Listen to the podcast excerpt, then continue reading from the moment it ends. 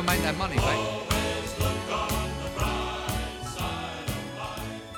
Ja, Det var 'Always Look on the Bright Side of Life', og da vet svært mange at det dreier seg om den legendariske engelske satiregruppa Monty Python. For det er drygt 40 år siden den elleville Monty Python-filmen 'Life of Brian' ble sensurert her i landet. På samme tid ble planer om å sette opp musicalen 'Jesus Christ Superstar' møtt med store protester, og drive gjøen med det som for mange var heilagt, ble fordømt av en tung samfunnselite. Så gikk vi inn i mer liberale tider, der det aller meste var tillatt, og etter hvert møtt med et skuldertrekk. Inntil karikaturstriden i 2005 brått fikk oss til å skjønne at det nå igjen var sett grenser for å fleipe med religion, i alle fall med islamsk hellige menn. Og denne veka er det fem år siden det dødelige angrepet på det franske satiremagasinet Charlie Hebdo. Så nå er vi kanskje der at det kan lages satire over Gud, men ikke over Muhammed. Shabana Rehman og Anders Giæver er kommet i studio for å snakke om nettopp dette, og velkommen skal det være. Shabana Rehman, du jobber nå i stiftelsen Født Fri, og mange husker deg som en skribent og en uredd satiriker som i 2002 fikk Fritt Ords store pris, eh, nettopp for motet ditt. Eh, hvordan opplever du denne omvendte situasjonen, hvis jeg skal kalle det det? Um, ja, omvendt og omvendt. Jeg har jo levd med det hele livet, egentlig, hva som er tabuer. Um, en ting er at eh, det er mye humor på Mohammed og Allah og Koranen, men uh, det er ikke offentlig. og det er noe med om man kommer på radaren til noen, så er det livsfarlig uh, fortsatt. Det er et faktum, og det er noe vi alle, muslimer eller ikke-muslimer, kan være gisler av. VG-kommentator Anders Giæver, striden om Life of Brian, en santire med gjenkjennende element fra Jesu sitt liv. Hvordan var egentlig denne striden? Ja, Den var jo veldig rar, altså, og nesten umulig å forstå i dag, for da hadde du da et kinomonopol som virkelig var et monopol. Hvis det ikke ble vist på kino, eller ikke vist her på NRK, så var det ikke tilgjengelig. Mm. Eh, når da Statens filmkontroll eh, forbød, totalforbød eh, Life of Brian, så fikk vi ikke sett Life of Brian, eller det gikk busser til Sverige og sånn eh, for å se den. Eh, jeg klarte å snike meg inn på en prøvevisning da, jeg, da jeg gikk på videregående, var kjempestolt over å Så du var gammel nok, altså? Jeg, ja, jeg sneik meg inn, men ja, jeg var vel, og den kom vel til slutt med 18-årsgrense som, som som eh, var det påkrevde. Men den store forskjellen må jo sies at det var jo ikke forbundet med livsfare å lage Life for Brian eller å drive satire. Det var bare at de som da kontrollerte mediene på den tiden, eh, de forbød det, men det var altså ikke det var, det var ikke modig på den måten det nå er modig å drive satire med Muhammed. Nei, fordi at virkemidlene verkemidlene uh, som motstanderne av denne type satire hadde og brukte, det var jo helt annerledes eller, eller, vold. Ja, altså noen få år før Life of Brian så hadde du denne Du nevnte nå i innledningen Jesus Christ Superstar. Da den filmen gikk på kino, da var jeg tolv år. og Da husker jeg det sto kristne studenter på Ås hvor jeg vokste opp, utenfor og delte ut pamfletter mot den. De var veldig imot. De sa at dere bør ikke se den filmen, den framstiller en helt feil Jesus. Det var ikke slik Jesus var. sånn. Men de hindret oss jo ikke. Så vi fikk jo gå, gå, inn og se den, og det er jo en, en ganske stor forskjell, må vi si. Samtidig så var det ganske sterk samfunnsmakt som eh, satte foten ned for den type ytringer som da fleipa med det, med det som ble kalt heilagt. Ja, det var det. Og, og dette med at uh, altså Statens filmkontroll hadde vel en egen, uh, egen uh, paragraf som gikk akkurat på det. At det skulle ikke Blasfemi var forbudt etter norsk lov. Den var sovende. Hadde vel ikke vært brukt siden Øverland Hallesby mot Øverland i sin tid på 30-tallet, men det var altså forbudt å gjøre narr egentlig vel ikke av Gud og Jesus i seg selv, men av folks tro, er vel det blasfemien da går på. Og da sikter du til Arnulf Øverlands foredrag tien, 'Kristendommen den tiende landeplage', mm. da man ble halt for retten for i 1933, men der han ikke ble dømt for blasfemi. Dette virker ut som, som ei bokstavelig talt annen verden enn du har opplevd, Shabana Rehman? Ja, ja, ja, jeg syns det er kjempeinteressant å høre på det. fordi at selv om ikke det var så mye aggresjon eller, eller voldelige opptøyer, da, eh, så ble jeg jo kjempenysgjerrig på at ja, det var motstand, det var maktstrukturer, men hvordan skjedde, gikk utviklingen videre likevel? Hvordan ble man ferdigkrenka? Altså, det er ikke sikkert man blir det noen gang, men, eh, men hva, hva, skjedde videre? ikke sant? Eh, hvordan kom protestene, opplysningene, Hvordan var samfunnsdebatten til man kom dit hvor man er i dag? Og det, det er jo den prosessen vi andre fra andre trosretninger også må gjennom. Vi må lære. Det er jo et uh, interessant uh, affære derfor da Jesus Christ Superstar uh, skulle settes opp som musical på den nasjonale scene tidlig på 70-tallet, så var det jo kraftige protester, underskriftsaksjoner, og det ble ikke satt opp.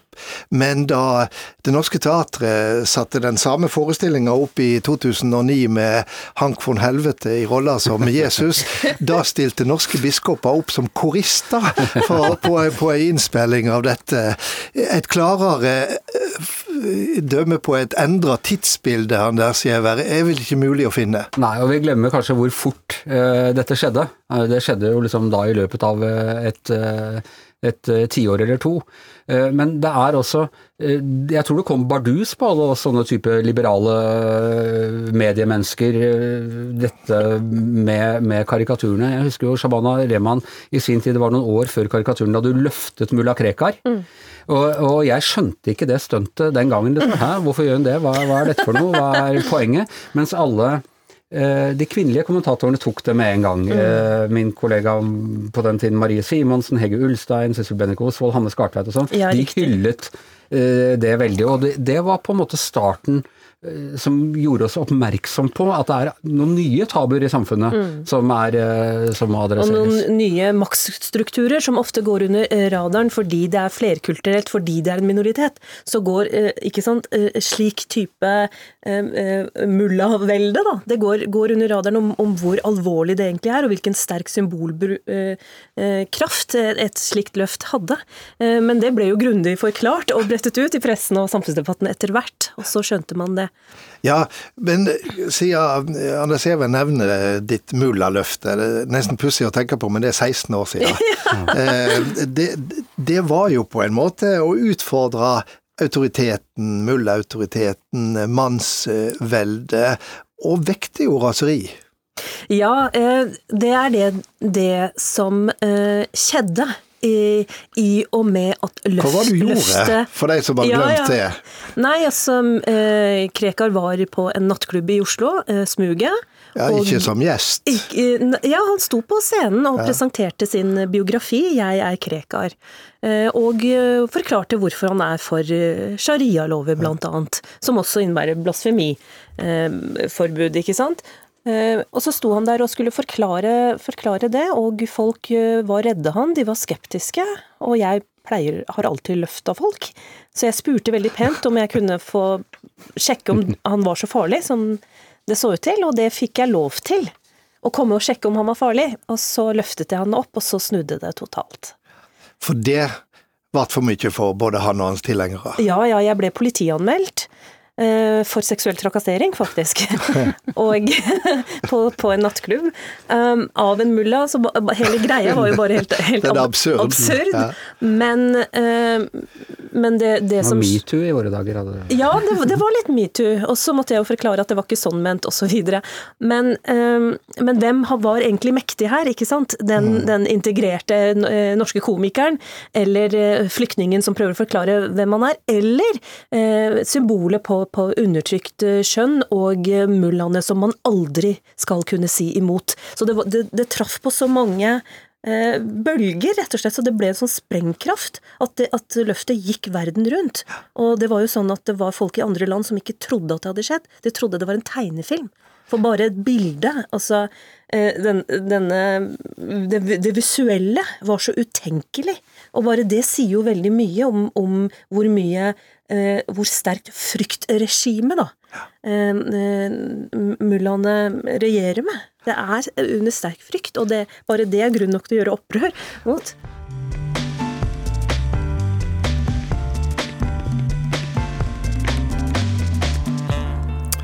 Ja, Vi snakker om eh, religion og satire, og i dag er det satire rundt muslimske symboler som vekker de største og store kjenslene. Eh, og burde vi skjønt hvor det bar hen da attentater for 30 år siden kom etter fatwaen mot eh, Salman Rushdie og hans sataniske vers? Ja, eh, det var, det, vi skjønte jo at noe skjedde. Jeg husker du og jeg, vi jobbet i Arbeiderbladet på den tiden, og vi, vi tok og oversatte akkurat For da var ikke boka kommet på norsk ennå. Mm. Eh, vi oversatte akkurat det eh, lille, de avsnittene det var bråk om. Hvor eksplosivt det var! Det tror jeg ingen på den måten skjønte dette var på en måte overgangen fra den kalde krigen, det var jo i 1989, var det ikke det? Jo. Eh, og over, hvor, hvor, da liksom eh, det gamle regimet faller, og så oppstår en helt ny sånn eh, front. Og hvilke kjempevirkninger det skulle ha, hvordan det skulle påvirke oss i flere tiår framover, det tror jeg ikke vi skjønte. Men jeg tror nok eh, mange av oss trodde at eh, dette var noe som noe helt sære eh, religiøse ledere i Teheran holdt på med, som egentlig ikke angikk den store muslimske majoriteten, og i hvert fall ikke i, i, i innvandrermiljøet i, i, Vesten. Mm. Men det undervurderte vi shabbanerne. Jeg, jeg tror det, fordi jeg, jeg, var jo bare barn den gangen. Når jeg ser tilbake og leser artikler og ser på bilder fra demonstrasjonene, så tenker jeg at eh, Fordi jeg har jobbet mye med å eh, engasjere folk i demokratiet og ta del i den offentlige samtalen. Og så ser jeg at allerede i 1989 så eh, trekker folk til gatene, eh, ikke sant. Så eh, hundrevis, mm. Eh, kanskje var de tusen, jeg vet ikke. Særlig pakistanere. For, for, denne saken, fordi at, no, at, de er blitt krenket, at Rushdie har krenket. Og så tenker jeg det bor så mye kraft i dem Altså, det er, når det virkelig gjelder, så er det ingenting som stopper dem å, å ta, ta, del og, og, ytre sin mening i gatene i det som fortsatt var eh, eh, et nytt land for, for dem. Eh, og da burde man eh, kanskje ha analysert eh, dette også i kraft av, av, landets egen historie mot eh, blasfemi og, som det sa Leif O'Brien, at, at hva, hvilke krefter er det nå som har fått en minoritet nå til å trekke i gatene, en, en da ganske fremmed minoritet. og det er jo sterke religiøse følelser. Eh, så, så det, samtalen om det burde, burde, kunne ha begynt. Men jeg tror ikke vi, vi skjønte den gangen at og fortsatt kan vi gjøre, uh, havne i den situasjonen hvor man tenker ja, men gjorde vi noe galt? Mm. Gjorde, gjorde Rushdie noe galt? Mm. Uh, har vi vært uhøflige? Har vi tråkket på noen? Ikke sant? Eh, og, og, det er jo egentlig en anstendig måte også å reagere på. Eh, men når eh, terroren rammer oss, og, og, og, drapene og truslene skjer, så begynner vi å skjønne at det, det er ikke høflighet det er snakk om. Vi, vi må ta de, de debattene. Og samtidig så har det jo skjedd noe i vår digitale tid. Eh, det at ei eh, eh, lita gruppe i Kristiansand brenner Koranen, det er plutselig oppslag i digitale medier i Pakistan dagen etterpå og, forårsaker demonstrasjoner. Vi så under karikaturstriden i 2005 at det ble brukt og misbrukt i helt andre deler av verden. Og det er en helt ny situasjon, Anders Giæver. Ja, det er jo denne her teorien er han Thomas Friedman i New York Times som snakket om at jorden er blitt flat. Eh, man kan, se, man kan se alt som skjer. Og det var jo Khomeini på en måte forløperen til. Han eh, trengte egentlig å rette oppmerksomheten bort fra sitt eget vanstyre, og så plukker han ut en engelsk forfatter og eh, utsteder en fatwa, en dødsdom, over han, og har plutselig forrykket en eh, balanse. Alle intellektuelle i Vesten som har kunnet føle seg så trygge og øh, hylle ytringsfrihet og sånne ting, ble plutselig satt i kjempedilemmaer, og, og, skjønte ikke helt hvordan de skulle reagere. Så det var en sånn øh, godt øh, kalle det sånn asymmetrisk krigføring. Mm. Og så har dette altså utviklet seg til å bli krig. Og du vet at Al Qaida og IS de har vært uenige om en del som hva som er legitime mål, og IS er liksom enda verre enn Al Qaida, tro det eller ei. Men noe de er enige om, det er at hvis man fornærmer profeten, så er du et legitimt militært mål, og det er en stor militær seier å drepe folk som har fornærmet profeten. En av nestorene i norsk avistegning, Finn Graff, er kjent for sine skarpe tegninger, ikke minst av prester og alt som har med religion å gjøre.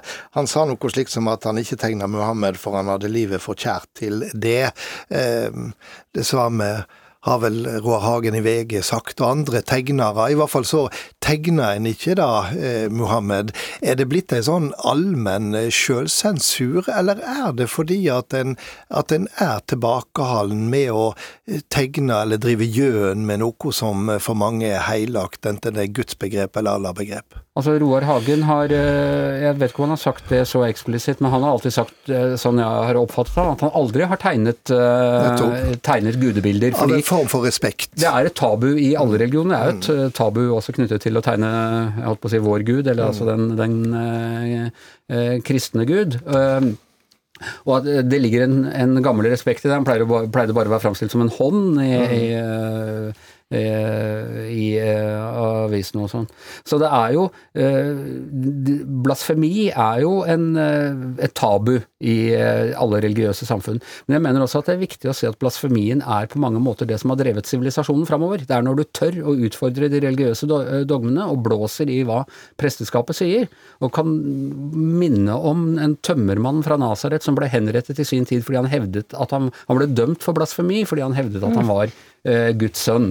Så blasfemien har også skapt religion på mange måter. det er skjebnens ironi, det. Men det, det, er jo, det, er jo, nettopp det at uh, når øh, man blir drapstruet, og, og, folk faktisk blir regelrett henrettet fordi du tuller med, med, med tro og, og helligdommer, så tenker jeg at det er naturlig for, for offentligheten å, å ta en, en, liten Altså ta et skritt tilbake og se hva er det vi har med å gjøre her. Ikke sant? Og hvis redaktørene um, har gjort det, og tegnere har gjort det, så tenker jeg at det, det, er ikke uventet. Men det skjer ting på bakkenivå. Vi har bare nå i fjor så uh, samlet over 50 aktivister og feiret um, en festival som het Celebrating Dissident, hvor fritenkere, tegnere, intellektuelle forfattere fra 50 forskjellige nasjoner, overkant av dem med muslimsk bakgrunn, Eh, samlet seg og, og utfordret presteskap, eh, tabuer, eh, hva man kan ikke tulle med, karikaturtegninger og alt. Så det skjer. Etterdønningene av det vi nå har sett av hvor farlig det er, gjør at folk mobiliserer. De, de skjønner hvor viktig det er, også i de landene den type Eh, eh, trusselsituasjon kommer fra. Som jeg sa, sa, i begynnelsen, vi er alle gisler av det. Så vi må løse dette her på en eller annen måte. Og, og, og det skjer en eh, organisering av det fra både tegnere, komikere og og med det glimtet av håp i toleransens navn, så takker jeg for at jeg kom hit til Studio 62, Shabana Rehman og Anders Giæver.